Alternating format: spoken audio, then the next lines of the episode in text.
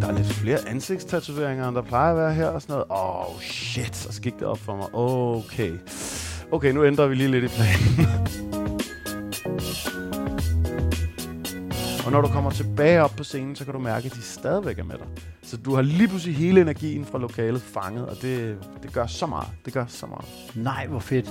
Ja, selvfølgelig. Hej, og tak fordi du lytter til den her episode af podcasten Alt Muligt Kreativt. Jeg hedder Jakob Svendsen, og jeg er din vært, og det her, det er 9. gang, jeg tager den her start om, fordi jeg har rodet så mange gange i det, jeg kom til at sige.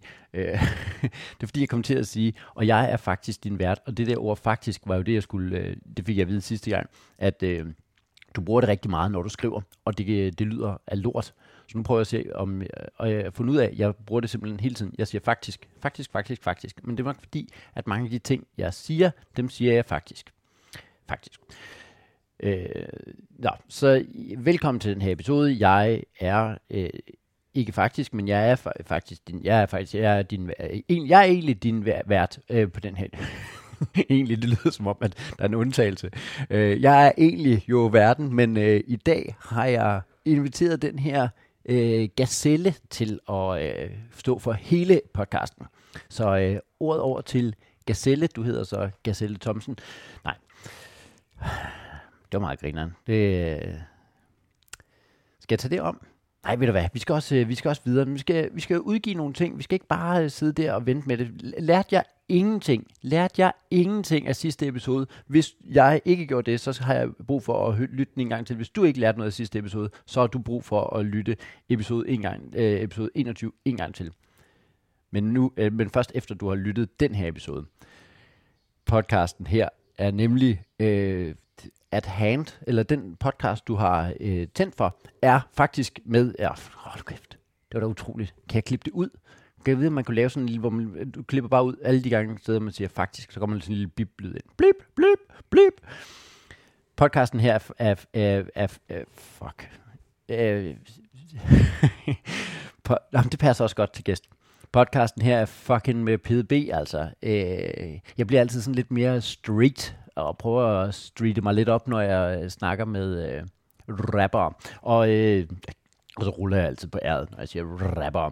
Øh, jeg har inviteret PDB ind og være med som gæst, og det er en kæmpe fornøjelse. Jeg er en lille smule rigtig meget fan. Øh, har du for eksempel hans bog? Han har skrevet en bog. Jeg har hans bog, læst den. Øh, vidunderlig bog, den skal man øh, læse.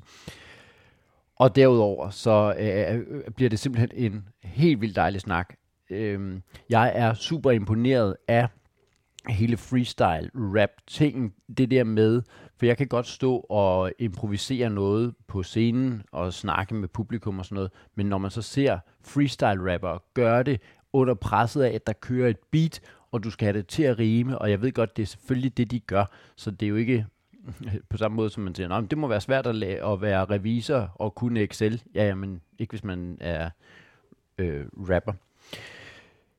Nå, det, er, det, det kan du roligt glæde dig til. Der er alt muligt. Vi kommer alle mulige steder rundt, og han er, øh, han er, det er så spændende. Det er så spændende, og tilgangen til det. Og rapper og stand-up-komikere minder så meget om hinanden. Der er så mange ligheder, og så mange øh, ting, hvor vi går til det på samme måde, så det er øh, direkte anvendeligt for mig. Jeg håber, det er på en eller anden måde anvendeligt for dig også.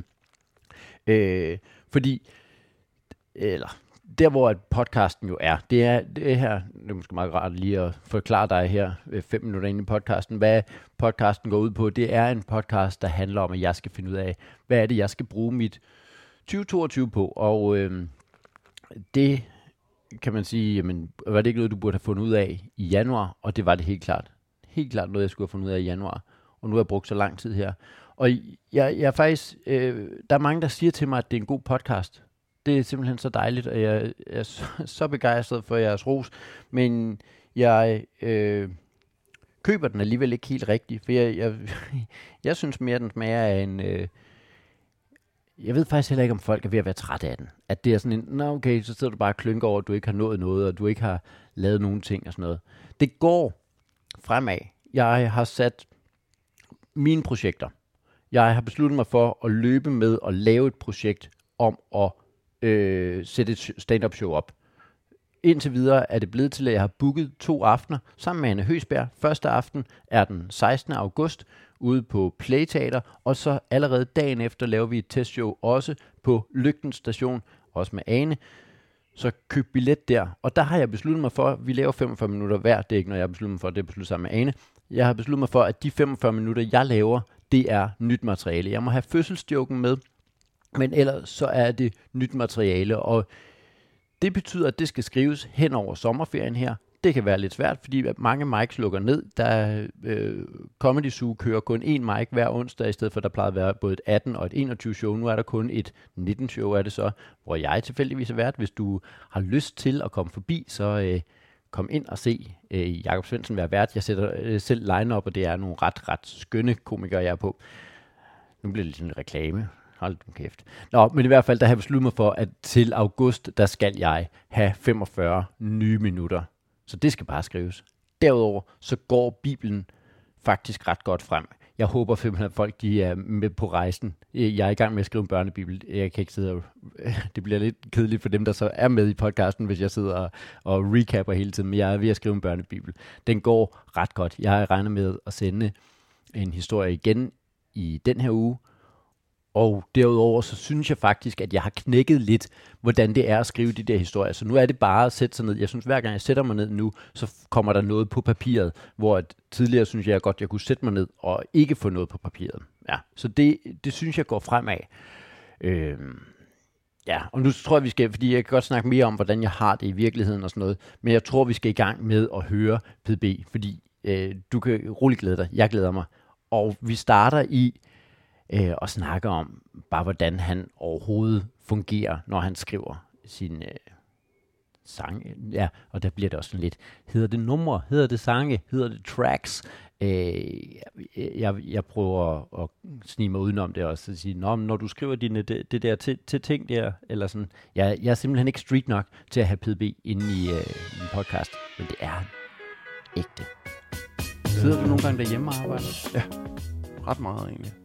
Men jeg, øh, jeg tror, jeg er sådan lidt, lidt, øh, lidt distræt anlagt, når det kommer til at sidde og svare på mails og ordne alt det der administrativt. Så jeg kan faktisk ret godt lide at skifte kulisser hele tiden.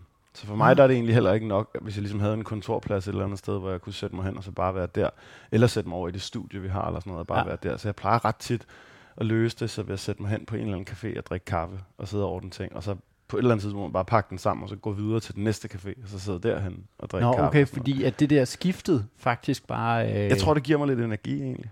Ja. Det er, det, det er sådan lidt underligt, det ved jeg godt, men jeg, jeg Nej. kan godt, så kan jeg have været rundt mellem alle mulige forskellige steder i løbet af sådan en dag.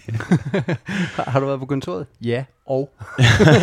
Jamen, det er rigtigt. Det, Om det er flere af dem, jeg har snakket med, som, som har det der med, at, hvis, altså, at der er en bestemt mængde energi, man har i et rum, og så Ja.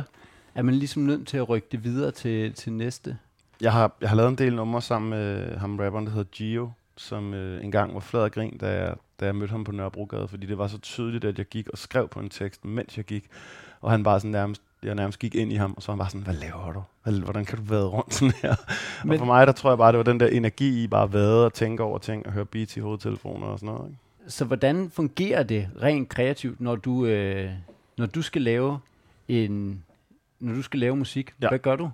Jamen, øh, jeg tror, jeg er lidt anderledes end mange af mine kolleger, Mm. fordi øh, det er ret tit, at jeg ligesom bliver inviteret til sådan nogle sessions, hvor vi så skal sidde og vibe, som folk plejer at kalde det, Ja. lidt i gåsøjne. Og så kan man så sidde og stirre hinanden dybt i øjnene og tænke over, hvad det her nummer skal handle om og sådan noget. Men det, det tror jeg, jeg har lidt svært ved egentlig. Jeg tror, jeg føler mig på en eller anden måde lidt låst fast. Så jeg kan nok meget godt lide det, som jeg tror, nogle psykologer kalder det for inkubation. Det der med at få en eller anden idé, og så gå sådan og gruble over den, og Ja. prøve at finde frem til nogle sjove vinkler på den, og nogle sjove ting at sige og sådan noget. På den måde tror jeg egentlig, at vores to brancher minder ret meget om hinanden. Ja. Altså, øhm, så jeg, ja, jeg kan godt lide det der med bare, altså, jeg har jo øh, Google Docs, ligesom alle andre, så jeg ja, har præcis. en milliard tekster liggende på min telefon, og så bare været rundt og øh, skrive lidt og sådan noget. Men, men så går du simpelthen bare og, og, og laver teksten. Ja, nu, nu skal det heller ikke lyde som om, jeg altid er i gang med at være rundt om en eller anden sø eller sådan noget. Nej, men, nej, nej. Øh, men det er rigtigt nogle gange, og så øh, ja, andre gange i mit køkken, eller ja, som vi snakkede om lige før, på en eller anden ligegyldig café eller sådan Ja. noget. Ikke? Altså, Det tror jeg, jeg har, øh, jeg har meget godt af. Det der sådan kulisseskift på en eller anden måde. Ja, men der, er- der er også meget, altså jeg, jeg tror også på, at der er meget i det der med, at øh, noget arbejde sidder man og sådan ligesom laver, men, men der er mange, der siger, at jeg får mine bedste idéer i badet. Ja, det kan godt være, Ja. men kun fordi du har lavet det, altså som du siger, inkubationstiden, det der med, ah. når så kommer ideen der. Ja.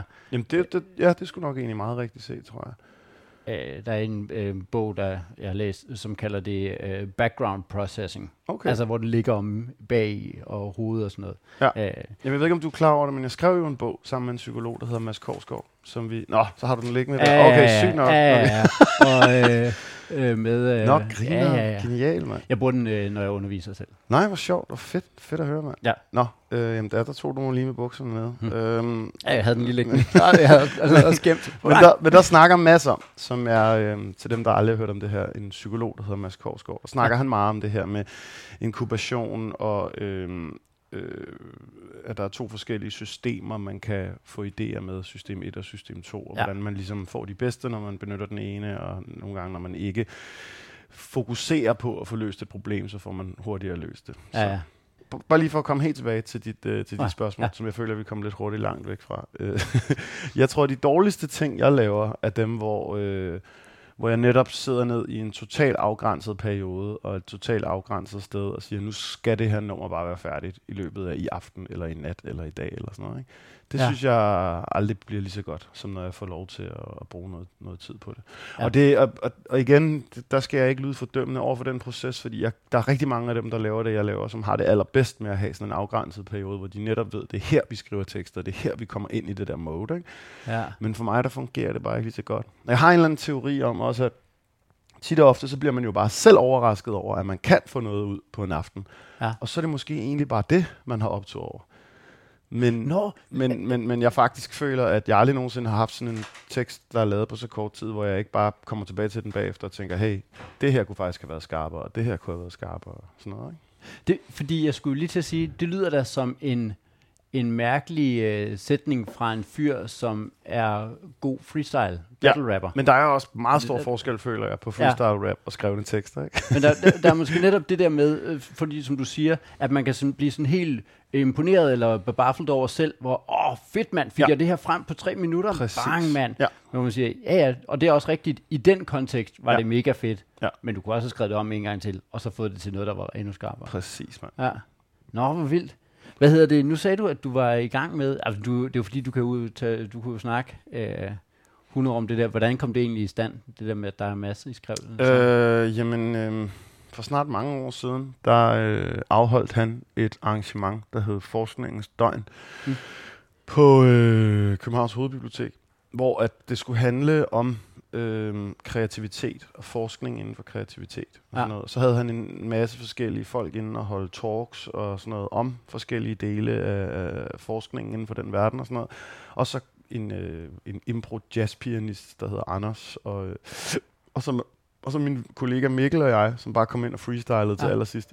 Ligesom var det sådan det sidste bløde indslag, som Ja. folk de landede på. Som ja. jo var et, man kan sige, passer meget sjovt ind i den der kreativitetsforskningsverden, fordi freestyle rap jo er et så klokkeklart eksempel på kreativitet i nuet. Mm. Øhm, hvor at, at for eksempel med ham, impro jazzpianisten, som jeg snakkede om lige før, ja. der kan det være svært for sådan en som mig, der ikke kan spille på noget som helst, at f- høre, hvornår han improviserer, og hvornår han ikke gør det. Fordi Nå, det er ja. jo bare en mand, der sidder og spiller på et klaver. ikke? Ja, det er det. Men vi er ligesom alle sammen, alle os, der kan tale dansk, er klar over og kan forstå, hvis Ja. man får et underligt ord, man skal rappe om, at Ja. ja. det så præcis er det, man går i gang med lige der. Ikke? Yes.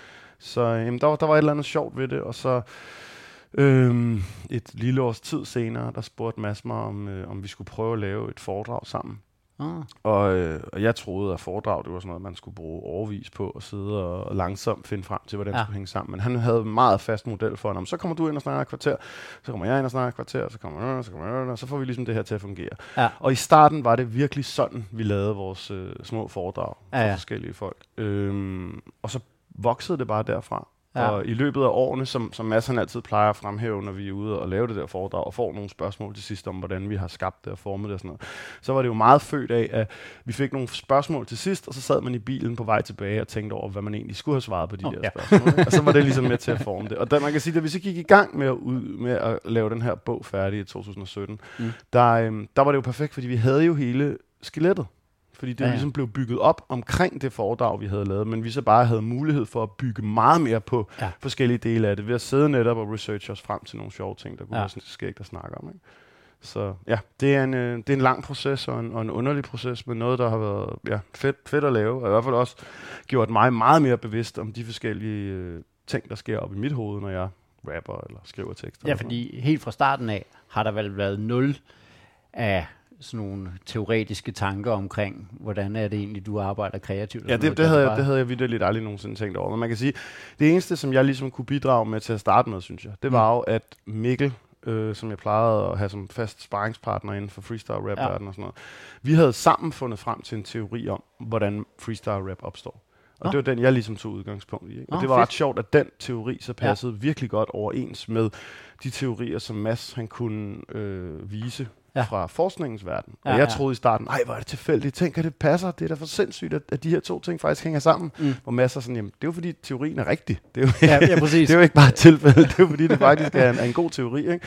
Så, øhm, Ja, det underbygger jo i virkeligheden bare, ja. Ja. hvor rigtig teorien og det er er. sådan noget med, nu kan det hurtigt blive meget øhm, begrebstungt, men det er sådan noget, der hedder divergent og konvergent tænkning, mm. som, øhm, som man faktisk øh, benytter sig af hele tiden i real time, når man freestyle rapper. Ja. Så ja, det er, en, det er en lang fortælling, og man kan tjekke bogen, hvis man virkelig vil have det udpenslet for fuld smadret. Ja. og den bog bør man læse. Den øh, hedder Aktivt Kreativ, og den er skrevet på sådan en måde, hvor den veksler mellem, at PDB fortæller røverhistorier, og så øh, forklarer Mads, hvordan det hele hænger sammen. Det er net, netop det her med, at hans teorier underbygges af, at PDB har set det virke i virkeligheden.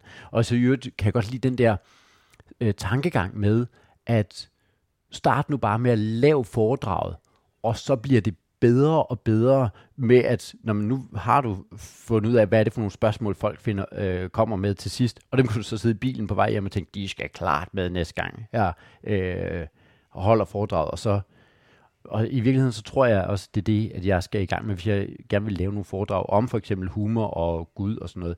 Bare se at få dem i gang, og så jo flere gange man øh, laver det, jo flere gange finder ud af, at det er det her, som folk ligesom bider fast i. Det er jo faktisk på samme måde, som et stand-up show er bygget op.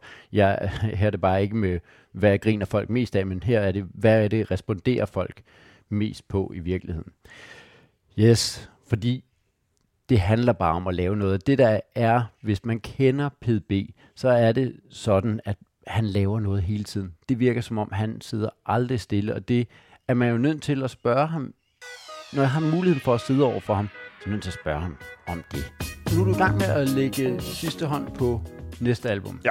sagde du lige, lige inden at mikrofonen blev tændt. Hvor lang tid har det været undervejs? Øh, jamen, det har det nok været siden november måned, tror jeg. November, og nu Jeg skriver vi det. Nu skriver vi juni. juni. Ja. Men det er altså, det vil sige, at det er jo et halvt års Ja. ish. Ja, noget i den stil. Og det kommer så først ud til september, ikke? kommer Der er ud til september. et par måneder endnu, ikke? Men, men det vil sige, at det tager et, et halvt år at lave et album. Ja, det, det passer nok egentlig meget godt, tror jeg. Det er vildt nok. Ja, det, det ved jeg ikke. Det er, der er jo sikkert nogen, der vil sige, det er hurtigt. Der er sikkert nogen, der vil sige, det er langsomt. Ikke? Det, Nå, okay. det er så tit, når jeg snakker med folk om det, at de ligesom øhm, sådan siger, nah, men du, du er god til virkelig at få noget arbejde fra hånden og sådan noget, hvor jeg sådan lidt, jamen, det hænger jo langt hen ad vejen sammen med, at jeg rigtig godt kan lide at skrive tekster. Ja, ja. Og at øh, jeg tror, for mit vedkommende er det altid sådan, at nu, nu snakkede vi om lige før, at øh, den her plade er færdig nu, og Ja. færdig mixet og mastereret, og vi, vi skriver juni måned, og den kommer Mm. ud til september. Ja. I den tre måneders periode, der kommer nu, Ja. kan jeg jo ikke lade være med at gå i gang med noget nyt. Men, men, ved Så det er det, jeg hele tiden kommer til at gøre. ja, men ved du allerede nu, hvad, du, hvad det er, du skal i gang med? Nej, men jeg har nogle idéer. Så, Og, og, og, om, hvad, hvad, det kunne være. Ikke? og der er ikke sådan et eller andet, hvor du tænker, jeg er nødt til lige at holde to måneders pause, eller Jo, det vil da sikkert have alle mulige gavnlige effekter, men jeg, jeg tror bare, jeg er, jeg virkelig er dårlig til det. Ikke? er du dårlig til at holde ferie? Ja, Eller, Forfærdeligt. ja, Fuldstændig. er det... fordi det bare, øh, altså, det kører bare hele tiden med nye projekter, eller bare nye numre, eller hvad, hvad er det, der er hele tiden? Jamen, altså min, min, øh, min bedre halvdel, Ja. Anna der, hun plejer jo nogle gange at, at, at drille mig lidt med, at øh, når jeg står og fylder i opvaskemaskinen, så står jeg og tænker i rap-linjer, ikke? Ja. Fordi jeg, jeg tror bare, det er sådan et eller andet, der ligesom ja, sidder så langt inde i mig efterhånden, at jeg bare står sådan og prøver at tænke brainstorme over linjer og sådan noget. Ja. Når vi er ude og gå tur, kan hun nogle gange sige, jeg kan se på dig, du tænker på rap. Fordi jeg bare sådan, bliver sådan lidt fjern i blikket og står og tænker på noget andet. Ikke? Øhm, ja, så, så jeg ved det ikke. Altså, det er vel også bare sådan en underlig arbejdsskade, hvis man skal se lidt kynisk på det. Men, Ja. men hvis man skal kigge med de positive briller, så er det jo meget positivt, at jeg kan leve af noget, som det virker som, jeg ikke rigtig kan finde ud af, eller hvad man gør. Ikke? Jeg har i hvert fald ikke, jeg har aldrig rigtig ramt det der punkt, hvor jeg bare synes, det var nederen at lave musik. Jeg har ramt mange gange det der punkt, hvor jeg synes, at alt det rundt om, det kunne være enerverende og irriterende. Ikke? Og bare sådan musikbranchen og de vilkår, man arbejder Ja. under som selvstændig i det hele taget, Ja. ikke? har været frustrerende. Ja. Men for eksempel i 2013, da jeg sagde, "Nå, men nu gider jeg ikke det her mere. Nu er jeg træt af den her branche. Jeg kan ja. ikke mere. Jeg, jeg, jeg, netop som du sagde, jeg er brændt ud. Jeg, jeg, jeg, jeg føler ikke, jeg, jeg kan slås med de her vindmøller længere. Ja. Så, øhm, så fik jeg jo et almindeligt job. Og der endte jeg jo med at sidde hver eneste aften ude i studiet og arbejde. Ja. Fordi jeg hele tiden sad. Mens min hjerne var tvunget til at lave noget, jeg ikke rigtig gad, så Ja. prøvede min bevidsthed ligesom at flygte fra det ved at sidde og begynde at tænke i rap-linjer. Ja. Og så ender jeg med at have sådan et Word-dokument stå, stående på min computer hele tiden, som jeg lige trækker op hele tiden, fordi jeg bare sidder og skriver nogle tekster ned. Ikke? Helt åndssvagt. Ja. Øhm, og da jeg så fandt ud af i 14, at jeg skulle have øh, min søn, Karl, Mm. så var jeg ligesom tvunget til at vælge mellem de to ting, fordi jeg kunne jo ikke så sige, nå okay, jamen, så vil jeg bare have det her almindelige job, og så tage ud og lave musik hver eneste aften, når jeg ligesom har en familie Nej. derhjemme. vel? Nej, det er klart. Og, og der kan man sige, det, det er jo også, det er jo, jeg, jeg tror heller ikke, jeg er en øh, normal case i forhold til det der med folk, der laver rapmusik, fordi jeg var jo 27, da jeg besluttede mig for at prøve at leve af det. Ja. Øhm, hvor at, at de fleste, man snakker med, som, ah, men lige fra jeg var 16 år, Ja, ja, har jeg vidst, at det var kun det her, jeg ville, og la la la, og sådan noget. Jeg, jeg var slet ikke sådan, Det lyder så fantastisk, det her med, jeg kan jo ikke lade være, jeg kan lide at skrive tekster og sådan noget. Og jeg har det jo selv på samme måde, at jeg er også helt vild med at lave stand-up. Jeg er jo helt vild med mit arbejde, men hvordan kan det så være, at jeg i så lang tid her har kunne lade være med at lave noget kreativt? Og er jeg blevet blokeret af, at jeg synes, jeg skal finde det her store projekt. Det kommer vi også til at snakke mere øh, med, med PDB om. Øh, det her store projekt. Nu skal det være stort og flot. Er jeg blevet blokeret i det, sådan så lige pludselig ender jeg med at være super ikke produktiv og ikke kreativ og, og, og i virkeligheden slet ikke have nogen ja, glæde rigtig ved og nu bliver det den her tude-podcast, hvor jeg siger, jeg har ikke nogen glæde ved det. Jeg, øhm, nu bliver det lige lidt ærligt. Øh, DM kommer lige om lidt. DM i stand-up. Og for første gang havde de lavet en ret vild præmie. Man øh, vandt for det første 100.000, det er sådan set lige meget. Så fik man en optaget en special. Og så er præmien, at du får lov at optræde øh, på bøgescenen. Og jeg så den der præmie og tænkte, det gad jeg godt. Det er sådan en af drømmene. Man gad godt at optræde på bøgescenen. Og så bliver jeg grebet af sådan en, jamen ved du hvad, så melder jeg mig til. Så jeg har faktisk meldt mig til DM i stand-up. Ud fra sådan en eller anden, øh, pengene er ikke, øh, pengene er selvfølgelig dejlige, men det er faktisk ikke for pengenes skyld. Det er fordi, jeg godt gad at stå på bøgescenen. Og så jeg har været lidt i tvivl, fordi sidste gang jeg var meldt til, det var i 2010, så det var sådan lidt mærkeligt at sige, har du lavet DM i stand-up? Ja, to gange, øh, med 12 års mellemrum. Så der er også et eller andet skørt i, øh, og, og man er sådan lidt, hvad vil de andre i branchen sige? Er der nogen, der vil sige, nød, det skal du ikke gøre, det skal du ikke, og sådan noget. Og så har jeg vekslet lidt frem og tilbage. Jeg selvfølgelig snakket meget med Heino om, at burde man, burde man ikke, eller hvad burde man? Og jeg gider godt på bøgescenen. Ja, ja, ja, så skal du klart gøre det. Jeg synes også klart, at jeg skulle gøre det. Og sådan veksler man, og så, og så er der jo et eller andet i, hvis du veksler, hvis, du, hvis det ligger på vippen, er, er lidt frem og lidt tilbage, så burde man nok lade være. Og det, der sådan ligesom slog hovedet på sømmet, det var, at jeg snakkede med min kone, hvor hun sagde, men du virker ikke så glad. Og jeg tror ikke på, at det vil gøre dig gladere at lave DM. Hun sagde faktisk, jeg orker næsten ikke, at du skal lave DM. Nu er jeg ked af, nu tager jeg lige en samtale med til min kone. Og hvor jeg sagde, men så er det jo det, der er, så er det jo det, der er tunge på vægt, vægtskålen. Så skal jeg jo ikke lave DM. Og det skal jeg heller ikke. Så jeg har faktisk skrevet i dag og øh, sagt undskyld. Øh, eller ikke sagt undskyld. Jeg har skrevet og sagt, jeg skal ikke være med til DM alligevel. Men det kom af sådan en, ej, jeg er også nødt til at gøre noget. Jeg er også nødt til at gøre noget. Jeg gad godt stå på bøgescenen og sådan noget. Nu har jeg valgt at sige, hvis jeg skal på bøgescenen, så skal det være fordi, at bøgescenen vurderer, det vil være fedt at have Jakob på. og ikke fordi, at jeg har vundet det, som ellers også kunne være fedt.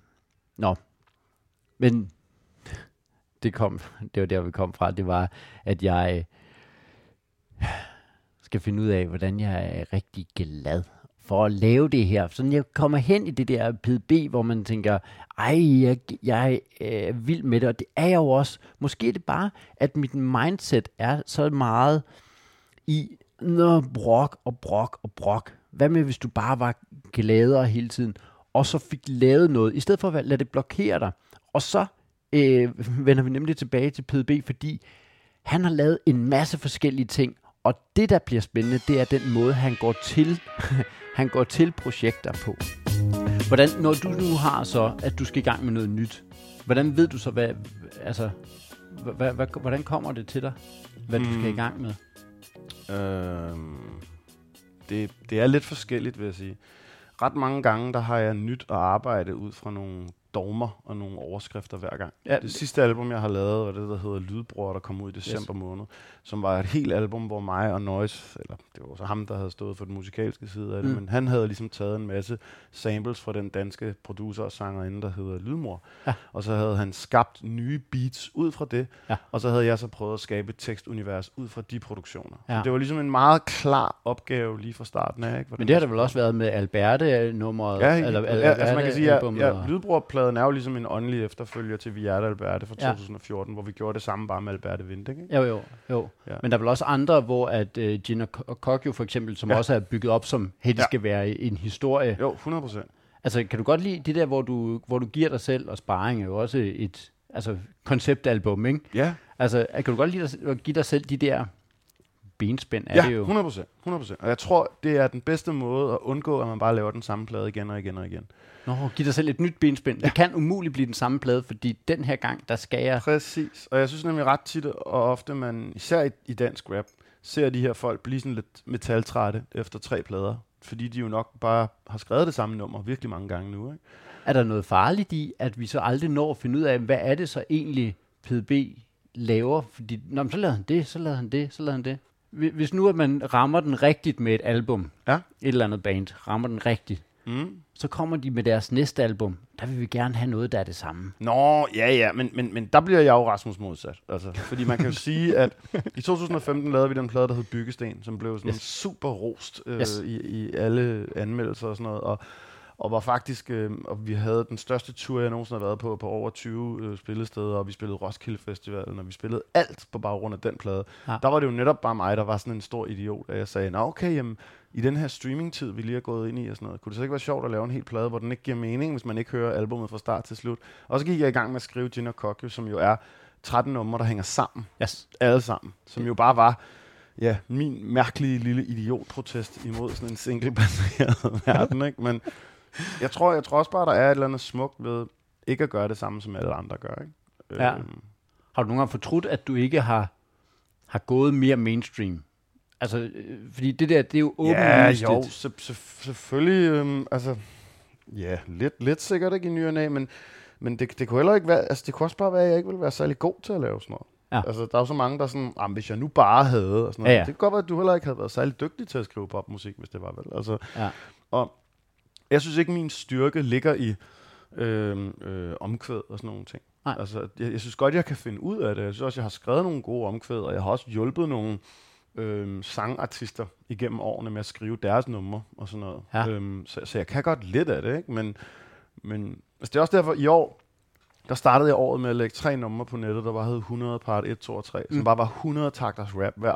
Ja. Og jeg, bare, jeg tror også, det var lidt min sådan fjollede, fuck jer alle sammen, ting, fordi der er alle de her forventninger til danske artister, især i sådan en streaming-tid, ikke? At. Nå, okay, nu skal numrene være under tre minutter, og du skal helt Ja. klart, og inden for de første 25 sekunder skal der komme et omkvæd og alt sådan noget. Så Ja. Nå ja, okay, jamen, her, nu får du et 5 minutters, 42 sekunders langt nummer, der kun er rap, så kan du tage det og lege med. Ja. Altså, så, Hvornår kommer omkvædet? Ikke. Nej. ikke. det kommer ikke. Ja. Og, og det er jo også bare en måde at blive lagt mærke til, ikke? Jo. Fordi så kan du også begynde at snakke sådan noget fucking øh, Blue Ocean strategi og sådan noget, hvis man skal tale om at være selvstændig og sådan noget. Ikke? Altså, at, Uh, Blue Ocean, ved jeg ikke hvad. Øh, jamen, jeg har jo heller aldrig læst de der bøger. Det er bare sådan nogle bossord, man har hørt gennem tiden. Ikke? Men det er sådan et eller andet med, at øhm, hvis alle fisker i den samme store sø, så er det pænt svært at fange en fisk. Men hvis du går over til den mindre sø, så kan det være, at du Ah. faktisk får større succes. Selvom det er en mindre sø, så kan du stadig få meget mere aftensmad den dag. Ikke? Ah, Og der ja, føler jeg jo også, ja, at, at jeg, skal jo ikke, jeg skal jo ikke konkurrere Nej. Med alle de mest mainstream artister i Danmark, fordi det kan jeg da ikke vinde. Men hvis jeg kan blive ved med at bygge mit eget lille brand op, og min egen lille ting, om, og, og alle de supportere, vi har og sådan noget, ikke? Så, så tror jeg, jeg har større succes med det. Altså. Ah, men der er så meget spændende i både det her med at sætte nogle dogmer, og så lade det være motoren. Og, og, og, og specielt det der med, Nå, men, hvorfor sætter du dogmer? Jamen det er fordi, at så har jeg et eller andet at skrive ud fra. Nej, nej, for det er dit dogme, der sikrer, at jeg ikke bare står og kører metaltræt og laver det samme og det samme og det samme. Hold kæft, jeg synes, det er spændende. Og så det her med, Altså for det første, det der Blue Ocean Strategy, og jeg er ked af, at jeg kom til at kalde, at han havde heller ikke læst bogen, så det, nu sad vi bare to voksne mennesker og sagde smart ord, som ingen af os vidste, hvem var. Jeg siger fucking, fordi jeg tror, jeg er rapper. Men det er jo meget spændende det der med at sige, ved du hvad, jeg, og jeg har jo snakket om det før, hvad med, jeg fiskede over i den her mindre dam, hvor der er mere aftensmad, fordi det ikke er der, alle andre fisker. Det er jo i virkeligheden, øh, der er jo ikke øh, såkaldte Blue Ocean, eller hvad du vil. Det er jo i virkeligheden noget, jeg snakkede om før. Men skal jeg satse mere i den der kristne sø? Genetrætsø, tror jeg, hvis, hvad vil sige, hvis det var... Øh, og så bare det der med at opbygge sit. Det er jo en af de ting, som PDB har gjort, det er at opbygge den her dødsdedikerede gruppe af supportere, eller community, vil han nok ikke have, jeg kalder det. Hvornår besluttede du dig for... Altså, fordi vi har jo alle sammen været, hey, jeg er glad for mine fans, og hey, det, det er vi jo alle sammen. Men der er på et eller andet tidspunkt, hvor dit går fra at være, jeg er glad for mine fans, til at sige, fuck mand, vi er en, vi er en fucking klub. Jamen, det tror jeg ikke er mig, der har gjort det. Det er jo dem selv, der har gjort det. Ja, Det, det, det føler jeg ikke, jeg har haft en magt over. Øhm, altså man kan sige, for en del år siden, der begyndte mig og øhm, ham der, der hedder Peter, Peter 4 at lave sådan noget, nå okay, jamen, øhm, vi skal spille en stor koncert den der fredag, så kan vi lige så godt snakke med en bodega øh, om, at de kan holde en førfest, hvis de har lyst til det. Mm, Og så kan ja, vi ja. sprede på nettet, at "Nå, men der er førfest herovre, hvis folk vil derhen og drikke bajer. Og så var der nogen, vi kendte, der havde en bodega, som blev glade, fordi vi sendte Ja, folk over i deres retning. Ja. Men supporterne tog selv den og løb med den. Og ja. nu er det 100% dem, der arrangerer førfester, og de laver march hen til store shows, og har fyrværkeri med og alt sådan noget. Ikke? Ja. Så ja, det, er, det har taget pænt meget overhånd. Men- og det er fantastisk, altså jeg er meget taknemmelig for det. Ja, fordi der er jo et eller andet i, hvor man tænker, men det er jo, altså du vil, du vil, bytte, du vil bytte rigtig mange af dem der mainstream, hey, jeg synes, at uh, PDB er okay, til de der dødsfans, du har. Ja. Så, altså, Jamen det er så fedt. Fordi- er, men, men jeg kan ikke sådan svare dig på, hvor- hvordan det opstod. Eller Nej. det, det er noget, der ligesom er sket organisk. Og, øh, og det er ikke noget, hvor du på et eller andet tidspunkt har, altså udover at I altid har, har været sådan, hey, vi kan godt lide vores fans og sådan noget, ja. Ja. der er ikke noget, hvor I på et eller andet tidspunkt har sagt, nu prøver jeg at droppe det der med at prøve at ramme sådan fuldstændig mainstream, og så bare sige, nej, vi Det- bygger det op. nej det, det har aldrig været så kalkuleret på, Nej. nogen, på nogen måde. Øhm, og vi har heller aldrig sådan siddet og tænkt over, at vi skal bygge et community, som der var en, der kaldte det, jeg snakkede med på et Ja, tidspunkt. ja, ja. Det, det har vi aldrig gjort. Det er noget, der, der er sket helt af sig selv. Ikke? Det, det er vildt, mand. Jeg er meget, meget glad for, at det ligesom er sådan. Men det, men, altså, det er jo mega fedt. Ja. Og øh, altså, der er vel også et eller andet i, at i stedet for, at du på et eller andet tidspunkt laver den der, whoosh, så er det bare grindet. Ja, Opad. ja, ja, og 7 9 13, det er aldrig begyndt at gå den gale vej, vel? Altså, så det er ligesom, det er som om, vi bare har bygget ovenpå år efter år efter år. Det er jo mega mærkeligt at sidde og være i slutningen af 30'erne efterhånden, ikke? Og, øhm, og det var først for i år, at vi udsolgte Storvægger for første gang, da Ja. vi spillede der. Og så lige før corona og lige efter corona har vi så begge gange lige spillet udsolgt Storvægger, ikke? Ja. Og Det er ligesom, det var jo ikke noget, vi, vi kunne gøre i 20'erne, vel? Så. Og det er jo bare et eller andet sted, det der er drømmen, ikke? den her måde at opbygge det her. Jeg har også snakket om det før, opbygge det her community, har jeg kaldt det, hvor man siger, at jeg vil gerne have en eller anden platform, hvor det er ikke sikkert, at det er nødvendigt.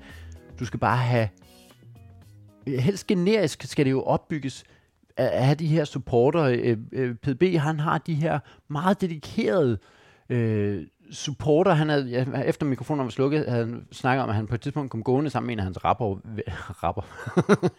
nede ved søerne kom han gående sammen med en af hans rappervenner, og så øh, havde han hans kammerat sagt, at om dine fans er også nogen, som øh, virkelig vil dig rigtig meget, og lige da han havde sagt det, så kom der en gående i, øh, i en PDB sweatshirt, han har sådan en bjørn på de der sweatshirts der, ikke? og siger, men ham der, han, han vil jo virkelig PDB, han vil være til alle koncerterne, han vil alt muligt, og jeg tror, der er to øh, ting i det her, øh, som, som jeg kan lære af PDB. For det første er, han laver noget hele tiden, han udgiver noget hele tiden, og så den anden ting, den snakker vi lige om lidt senere, fordi det endte jeg med også at snakke om, øh, med ham om, men det her med, når du har lavet et projekt, hvad sker der så? Fordi nu kommer det her, øh, hans næste album, som kommer her til, var det oktober, øh, hedder Bjørnens År, og hvad så bagefter? Det er så en af de, øh, vil jeg sige, mindre koncepttunge albums. Nu havde jeg så lige både lavet Lydbror og lavet Gombo sammen med Two Track før ja, det her. Sådan noget. Så ja. det her, det var lidt sådan mere en, en måske tur tilbage til det samarbejde, jeg i lang tid har haft med Adam Sampler. Ja. Øhm, og så den her gang har han så inviteret en anden producer, der hedder Stupid Fresh, en der hedder Thomas, med ind i, i hans lille producerhule del af det. Ikke? Ja. Og det startede faktisk oprindeligt med, at de to ville lave en instrumental projekt sammen.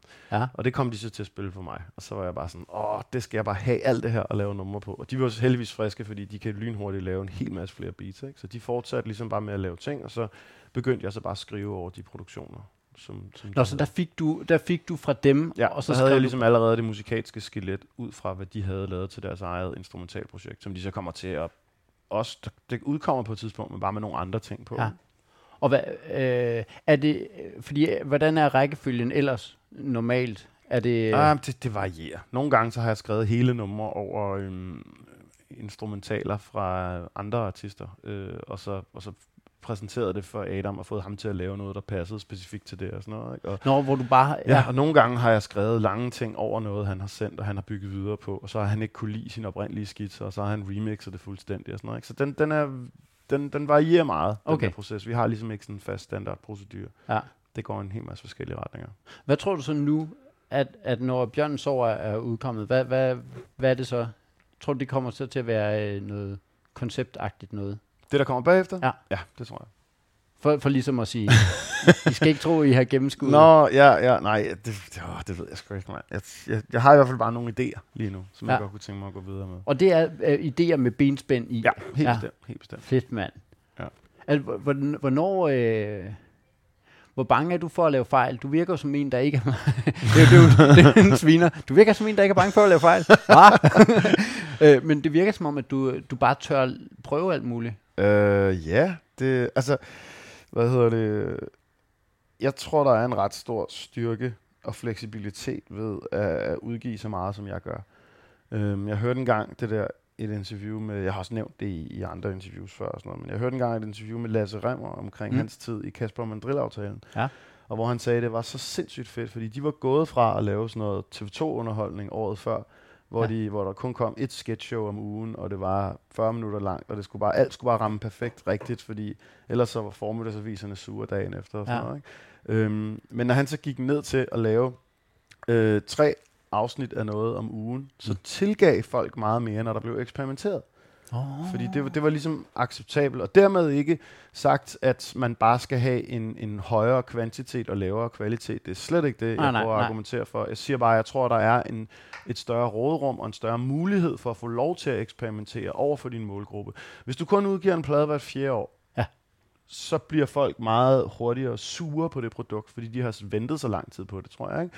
Lige nu der oplever vi jo sådan en underlig ting i amerikansk hiphop med, at for to måneder siden, der elskede alle den nye Kendrick Lamar-plade, mm. og nu begynder alle lige pludselig at være meget kritiske over for den, og snakke om, at det måske var en skod, at den første reaktion var så positiv, fordi pladen er måske egentlig ikke så fed alligevel.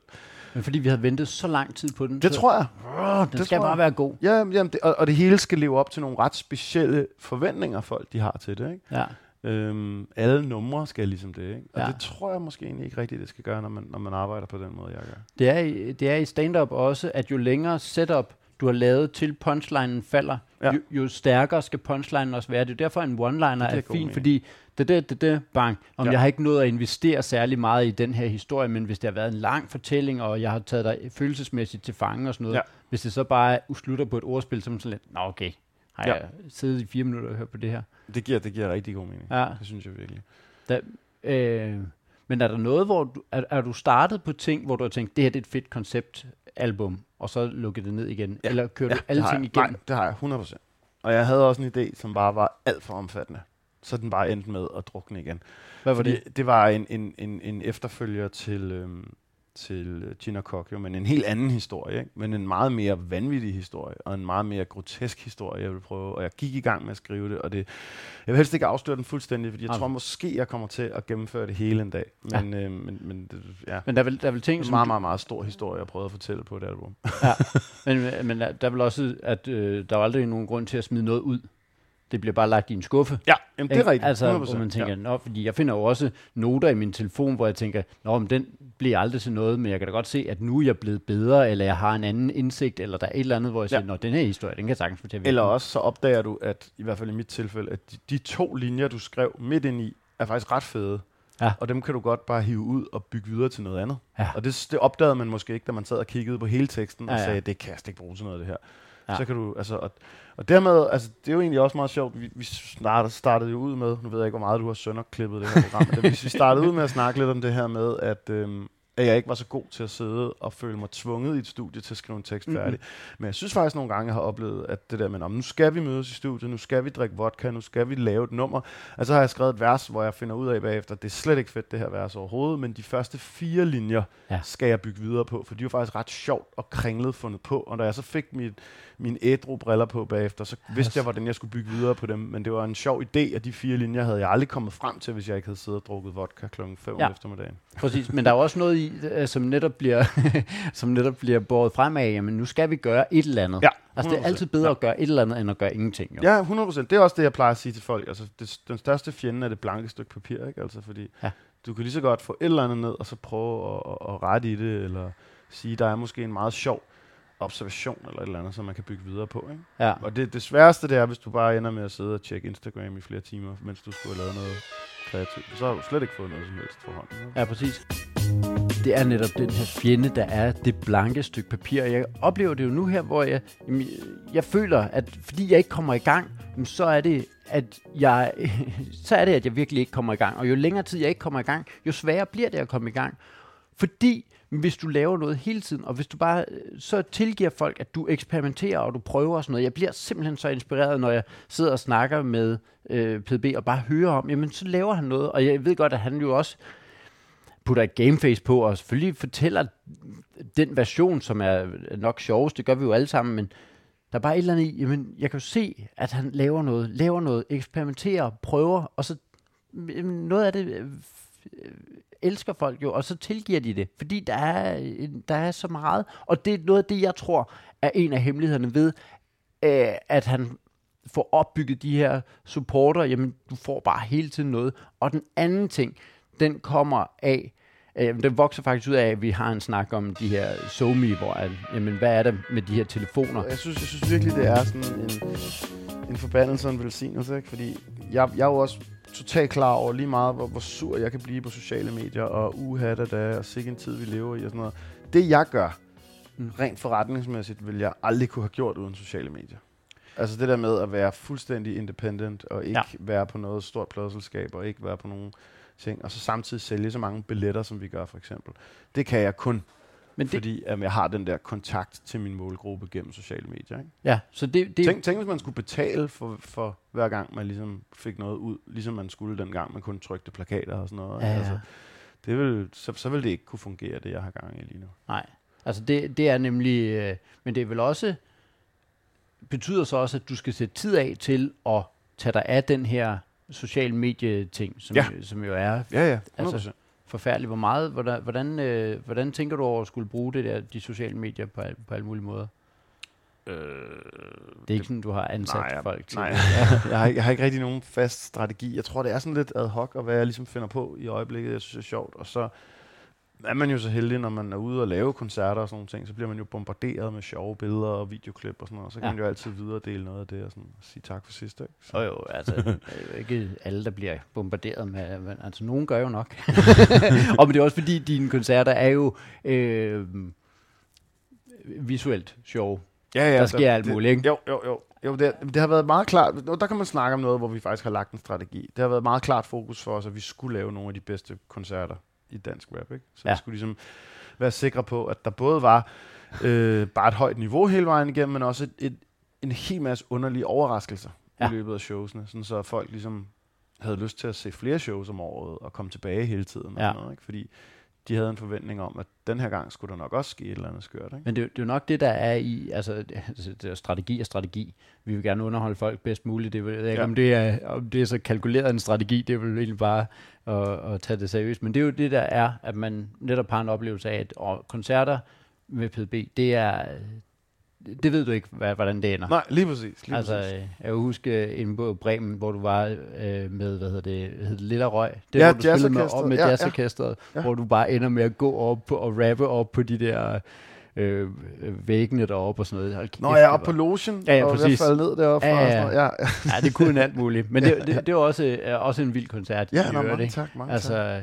det laver du igen, ikke? Ja, nej, vi spillede en koncert med dem Nå, i marts har øh, i øh, Musikhuset i Aarhus, Ja. øh, som jo er deres hjemmebane. Ja. Fordi de er jo sådan et, et, et stort øh, kommunalt ansat big band, Ja. jazz big band Ja. i, i Aarhus, øh, som min booker havde et samarbejde med tidligere. Så han satte ligesom det her underlige projekt op. Og der lavede vi så en rigtig stor koncert i, i midten af, af maj her, Ja. hvor at, altså, det var ved at blive lukket flere gange under koncerten, fordi Aarhus Jazz Orkester, det er jo så meget deres hjemmebane, at de havde bare nærmest spurgt huset, øh, kan vi holde en øh, koncert den her torsdag? Ja, det kan I da sagtens. Og der var, fik vi at vide bagefter, fire mennesker på arbejde i hele musikhuset, ja. Da vi kom med det der. Fordi de troede jo så, så var det en, et, en jazzkoncert, hvor de havde, Butterfly. ja, ja, hvor de havde Ja. inviteret en eller anden, øh, de vidste, at de skulle lave et samarbejde med en, så de havde måske inviteret en norsk sanger forbi, eller sådan noget. Så kunne folk drikke en fadøl og gå ind og se et show og sådan noget. Og så kom der bare så mange psykopater over, og det hele væltede. Og, øh, men, men det var fedt, fordi vi, de troede mange gange med at lukke showet ned, mens vi var i gang, men det lykkedes at, at undgå det.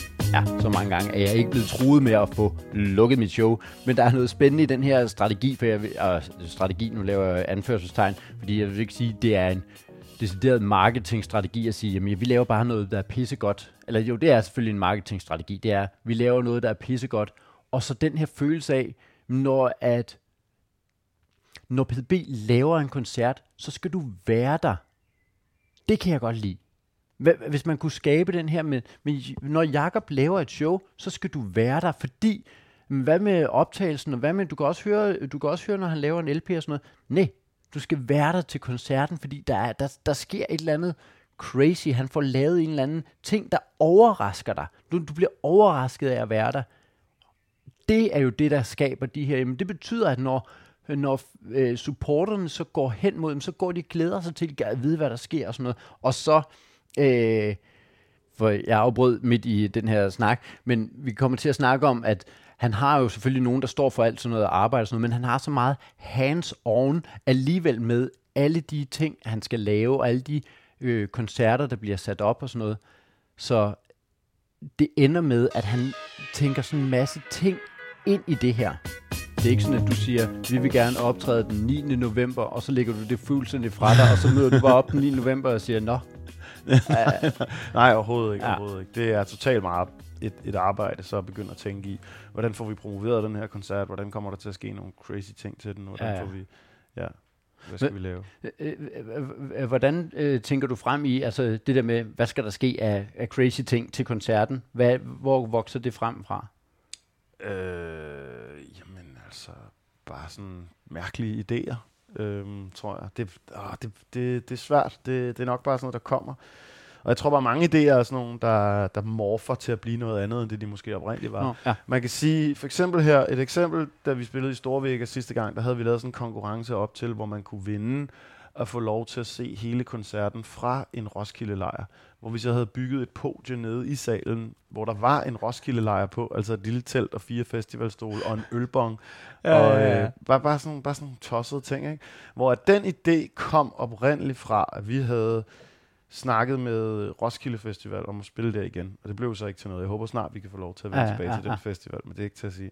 Øh, hvor vi havde talt med en af deres scenemestre om, hvad man ville kunne gøre i forhold til at bruge nogle af de små podier, der også er på de rigtig store scener på, Ja. på Roskilde Festival. Og så var jeg sådan, men så skal vi jo bygge en Roskilde-lejr på en af de her podier, Ja. og så skal vi kunne invitere nogen fra publikum op, så de faktisk kan se showet fra en Roskilde-lejr og alt sådan noget. Ja, ja, Øhm, ja. Så det, det var en idé, der kom fra det, og så, øhm, og så blev til det her underlige i stedet for. Ikke? Åh, det er fedt. Og så kan man jo lige så godt, jeg elsker jo det der med at bruge hele rummet, når vi spiller shows. Ja. Så kunne jeg jo lige så godt stage dive, og så blive båret hen til det der Ja. øh, lille plateau, vi havde bygget, og så rap tre numre derover fra til publikum, fordi jeg, jeg føler, det binder lokalet meget mere sammen. Jeg ved ikke, om det er noget, I gør så meget inden for stand-up. Jeg har Nej, det ikke meget, set det ja, så tit. det er meget Men det der med, at, at øh, der er altid en kæmpe stor forskel. Når du først har spillet øh, dine almindelige numre op fra scenen, kan du altid mærke fra starten af, hvordan at, at jo længere du kigger ned, des mere forsvinder energien. At det er altid de Mm. første par rækker, det er allervildest, og så går den ned og ned og ned og ned, og helt aller, aller ned, og der står folk ligesom i baren og hænger ud og Ja, småsluder ja. og sådan noget. Men når du så har spillet et show, hvor du har bevæget dig halvt eller, eller helt ned i bagenden af lokalet, så har du lige pludselig de mennesker med 100%. Og når du kommer tilbage op på scenen, så kan du mærke, at de stadigvæk er med dig. Så du har lige pludselig hele energien fra lokalet fanget, og det, det gør så meget. Det gør så meget. Nej, hvor fedt.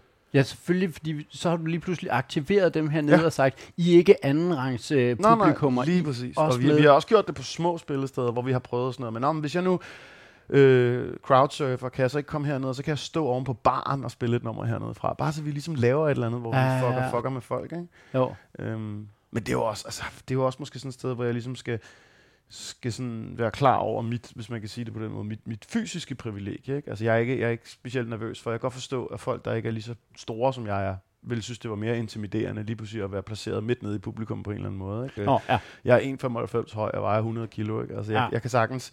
Jeg kan også hoppe ned og være med i moshpitten, fordi jeg synes, det er sjovt at vælte rundt og Ja. skubbe til folk og sådan noget. Ikke? Men Ja, ja, det, er jo, ja. det er jo også, fordi jeg har en vis størrelse. Ikke? Altså, så er det ligesom det, Åh, der ja, ja. slipper afsted med. Ja, okay. Ja, det, ja, det er selvfølgelig det er sådan, den rent praktiske ting. Ja, ja, ja. At du kan Jeg ikke ville jo sagtens kunne forstå, hvis man ikke var så stor, at man for eksempel ikke synes, det var så fedt bare at hoppe ned i en, i en moshpit. Jeg skal ikke ned i der en, måde, nogen målpil og stå dernede. Ariana Grande, og så bare, uff. øh, jeg ved ikke, hvor meget moshpit der er til en Ariana Grande-koncert. Det er simpelthen en idé, jeg får lyst til at, at teste og bruge. Altså det her med at inddrage rummet på en helt anden måde. Øh, øh, det samme, som jeg fik lyst til, dengang jeg snakkede med Christina øh, ud fra Teater Play. Det her med, hvordan kan vi skubbe til, hvad er det et stand-up show må være? Er det bare en mand på en scene? Når man sidder og snakker med, med PV og siger, men det giver så meget mening, at hvis du lige pludselig har været nede bagerst i rummet, tænk hvis du optrådte på Bremen, og lige pludselig så får du engageret dem, der sidder nede på række 20 også, sådan at de lige pludselig er en helt anden del af, af showet. Jeg, jeg, jeg tror, det kunne et eller andet. Kunne det være, at jeg skulle... Øh, skal der være moshpit til det næste Jakob Svendsen show? Jeg tror i hvert fald, at det her med at prøve at tænke noget, noget anderledes og et eller andet, det, det, øh, jeg kan mærke, at det er det, der ligesom øh, tænder mig på en eller anden måde. Godt. Jeg sad med en virkelig dygtig rapper, og jeg er super imponeret af hele den her måde at tænke kreativt. Så, så rent praktisk, så gad jeg godt bare lige prøve at suge lidt af, hvordan virker din hjerne, PDB, når du skal øh, skrive rim, eller tracks, eller numre, eller musik, som jeg endte med at kalde det. Hvordan fungerer dit hoved, når du, når du, altså, når jeg siger et eller andet? Hvordan, hvordan fungerer det kreative hoved, sådan rent konkret, når du skal skrive et eller andet? Jamen, det, det er meget forskelligt jo. Altså, Ja. Jeg tror ikke, jeg har sådan en, øhm, sådan en fast... Jamen lige prøve at se, hvad, hvad er det sidste, jeg har siddet og arbejdet på? Kan jeg lige prøve at åbne min telefon her. Øh, nå ja, jeg gæster faktisk Gios næste projekt Ja. med, et, øh, med et vers, øh, som handler om øh, at være ung og fjollet. Øh, Ja. Og vanvittig oven i hovedet. Ja. Øh, og der tror jeg, altså de første fire linjer, jeg har på det, er Øh, tro mig, når jeg siger, at vi var et rowdy hold. Sprutter ganja, ramme min knold, cirka kvart i 12. Altid op og køre, ingen fart, kontrol, men hvad vi savnede i fokus, havde vi i sammenhold. Ja. Og der tror jeg, at det kommer sig fra, at jeg allerførst bare tænkte, hey, det kunne måske være meget sjovt at sige, tro mig, når jeg siger, at vi var et tosset hold. Og så har jeg siddet og tænkt lidt over tosset hold, og hvad rimer det på? Og sådan noget. Jamen, der er ikke nogen, der sådan er specielt gode. Hvad hvis jeg omformulerer den en lille smule? Lad mig lige prøve at komme med nogle andre eksempler nedenunder. Ja. Øh, at vi var et vildt hold, eller vi var et, en vild gruppe, eller vi var et rowdy hold. Så, Nå, gud, rowdy hold. Der er Ja. måske nogle, fordi det rimer på samme hold. Det kan man da lave en eller anden sjov linje med, og noget med kvart i 12, og så og altid op, og, og så rimer det på fartkontrol. Nå, er der et eller andet sjov med fartkontrol, og, og så være, øh, det betyder vel, at man, at man ikke er så, så altid op og køre, ingen fartkontrol, og sådan og så kører den ligesom derfra, og så Ja. prøver jeg, og så er det jo bare at bygge byggeklodserne om nok gange til det er sjovt. Jeg plejer jo tit at sige det der sådan lidt med, med et smil på læben, ikke? At, at rap er jo egentlig bare at omformulere noget nok gange til det rimer. Fordi rigtig, rigtig fed rap er jo netop, hvor at det ikke lyder forceret. At det Ja. rimer rigtig meget, men det lyder som om, du næsten bare kunne føre en normal samtale. Yes. Ikke? Det er der, det bliver allerfedest, og det bliver Ja. allermest magisk. Ikke? Ja, vand og Øhm. spand er ikke så, øh, så fedt igen. Nej, men, men det er også det der med, du ved, du kan godt sidde og sige, at, at klassekammerat rimer på kasseapparat, men hvis du bare bruger det i en eller anden sammenhæng, hvor at det virker som om, du hiver kun det her ord ind, fordi det rimer, Oh, ja. så er det jo ikke specielt fedt. Vel? Det skal lyde som om, at du egentlig bare fører en normal samtale, men det, men det rimer så meget.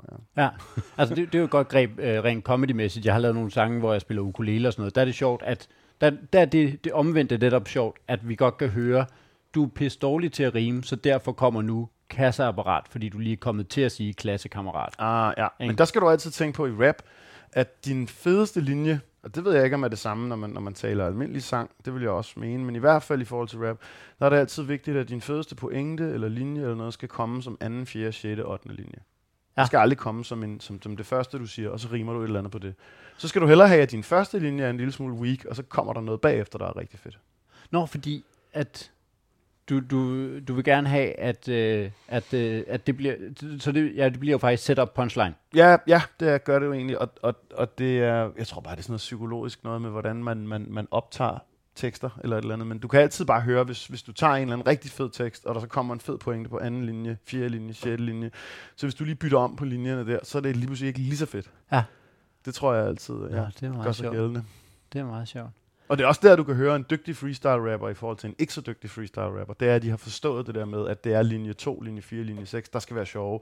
Der Det skal ikke være der, du står og famler efter, åh, hvad rimer på det nu, ikke? Nå, det, det fanger du ja. Ja. på, på 1, 3 og 5. Og Ja, så, Der skal du ligesom lave en oplægslinje, som så leder hen til en sjov pointe. Ja. Det kommer aldrig til at stoppe med at fascinere mig, når øh, rapper, og i virkeligheden det der med at få lov at krasse ind i folks hoveder, og lige se, hvordan virker det, og hvordan det her, som du har brugt så sindssygt mange år på, hvordan virker det helt naturligt for dig, hvordan flyder det bare, hvordan, ej mand, man får lyst til at sidde og skrive rapmusik. Øh, fordi vi snakkede så lang tid, så endte vi også med at komme ind på øh, nogle dårlige jobs, øh, som øh, PDB har været ude til. Og der får man lyst til ikke at have, være en rapper, der er ude og freestyle rappe. Hvad har du haft Jeg har haft nogle rigtig, rigtig voldsomme nogle. Øhm, jamen, øh, øh, uden, at, uden, at, uden at smide folk under bussen Ja, eller noget, ja. som en øh, dybt kriminelle grupperinger, der skulle mødes, og ikke rigtig havde fortalt præcis, hvad det var for en julefrokost, jeg skulle stå og være Nå. omdrejningspunkt for lige pludselig. Ikke? Hvor, Øh, hvor, hvor du har, Ja, ja. hvor de har tænkt, Kommer ind i lokalet og tænker, der, er- der er lidt flere ansigtstatoveringer, end der plejer at være her, og sådan noget. Åh, oh, shit. Og så gik det op for mig. Okay. Okay, nu ændrer vi lige lidt i planen. Nej, ja. øh, ja, ja. Og øhm, Gik det? ja, det gik, og det gik faktisk virkelig godt. Ja. Det var skide sjovt. Altså, de, så var de i virkeligheden klar på det, og du, Ja, ja, de synes, det var herregriner. og du tænkte, nå, vi lader lige være med at svine folk alt for meget til, og vi skal også overleve og alt det der. Ja, ja, og så bare, du ved, ja, øhm, groteske ting, og teknik, der ikke virker, og Ja, ting, der ja. braser sammen, og publikum, der prøver at forstyrre, og sådan noget. Og, Ja. ej, jeg havde også sådan en for nylig. Det var så sygt, og den gik faktisk godt jo, men jeg synes bare, hele sådan oplægget er så sindssygt.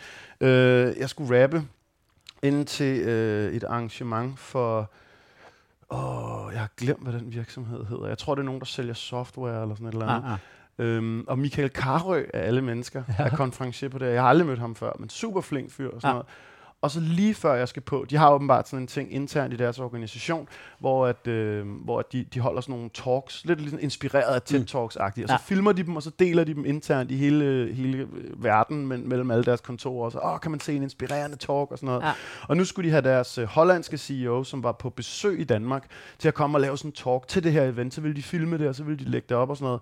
Hun fortæller så en virkelig hjerteskærende historie om hendes far og brors selvmord under finanskrisen, hvor de begge to tager livet af sig selv på grund af deres virksomheder, der er gået ned og sådan noget. Og hele lokalet er tydeligt ikke klar til, at det var det, der ville ske lige pludselig. Så mand. hele stemningen er 100% presset, og jeg skal ind og lige om et øjeblik og fortælle, og, bare, og bare rappe åndssvage ting og sådan noget. Øhm, Fuck. og, så, og så går Michael Carøe bare op, og jeg, jeg ved ikke, om han har været i den her situation før, eller hvad det var, men han laver bare sådan en slow clap, sådan en henover, og bare, sådan, og bare holder sådan en brandtale over for publikum. Prøv at høre, hvor godt det er, vi kan dele sådan nogle ting med hinanden. Lav noget larm for hende, ja, og sådan noget, og bare få sådan en stemning fuldstændig vendt rundt. Og så blev jeg præsenteret, og så var lokalet tilbage på samme temperatur, som det var før. fordi- Og jeg var bare sådan, åh, hvor er du syg, altså. Ja, ja. Hvor havde du dem bare i din hulehånd? Så ja. Så Men det er altså også mange års senere erfaring, du lige trækker ind med Michael Carøe. det ikke? tror jeg. kunne det også være, man skulle have...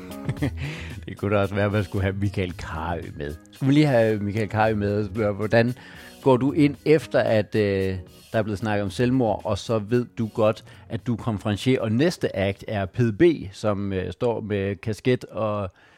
Ja. Det var episoden. Jeg håber, at du fik noget ud af det. Jeg blev, ligesom øh, sidste episode, jeg blev inspireret. Jeg fik lyst til at lave noget. Jeg har lyst til at, at lave andre ting og skubbe til noget. Og, og så har jeg lyst til at tage mig af de her supportere, så man kan få skabt den her folk, der vil overraskes og vil komme og se, hvad er det, du har fundet på af spændende, når du laver et show. Apropos shows, så øh, kom og se øh, den 16. august og den 17. august på henholdsvis Teater Play og på Lygten Station. Ude på Teater Play laver jeg i øvrigt også et show, der hedder øh, Jakob Svendsen med venner. Det laver både den 9. og den 10. august, hvor jeg inviterer nogle sjove venner med, og øh, så laver vi et rigtig dejligt show til dig. Nu vil jeg egentlig bare sige tak, fordi du lytter med, og tak for, altså virkelig tak til jer, der øh, skriver øh, til mig, at I lytter podcasten, og kommer med kommentarer og input og alt muligt. Jeg sætter helt utrolig, utrolig stor pris på det. Tak fordi, at du lytter med.